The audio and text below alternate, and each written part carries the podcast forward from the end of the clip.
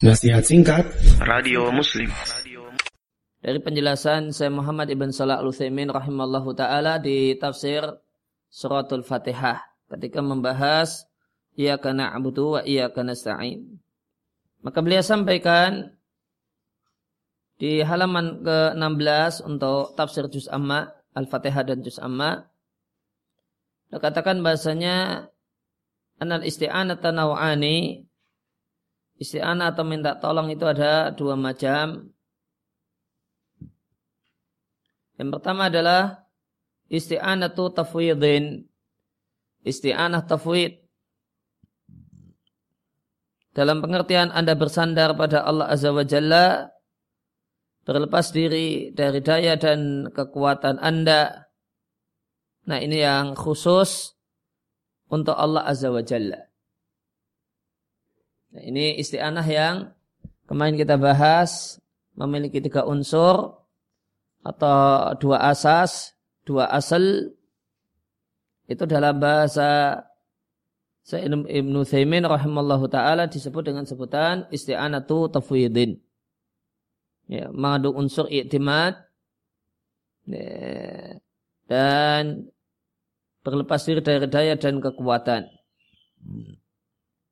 Kemudian yang kedua, isti'anatun bimaknal musyarakati. Isti'anah dalam pengertian musyarakah dalam perkara yang ingin Anda lakukan. Ini yang terjemah tepatnya minta tolong atau ya minta tolong.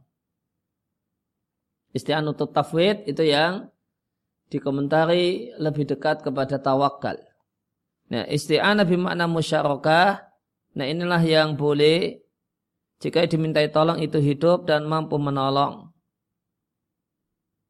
Li'annahu laisa ibadatan. Kata Syekh Ibn isti'anah musyarakah itu bukan ibadah, yaitu bukan ritual ibadah. Oleh karena itu Allah katakan wa ta'awanu 'alal birri wat taqwa.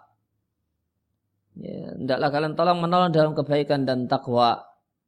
Dan tidak ada tolong menolong kecuali ada inisiatif, ada yang pihak yang minta tolong. Ada pihak yang minta tolong, kemudian ditolong, maka terjadilah tolong menolong. Kemudian isti'anah bimaknal musyarakah ini apakah boleh dalam semua keadaan? Kata beliau tidak. Isti'anah dalam makna musyarakah ini inamata juzu hanyalah dibolehkan jika yang dimintai tolong mampu. Adapun jika yang dimintai tolong itu tidak mampu, maka hukumnya haram, bahkan syirik akbar. Kemudian, apakah boleh minta tolong dalam hal yang boleh, dalam perkara-perkara yang memang boleh minta tolong?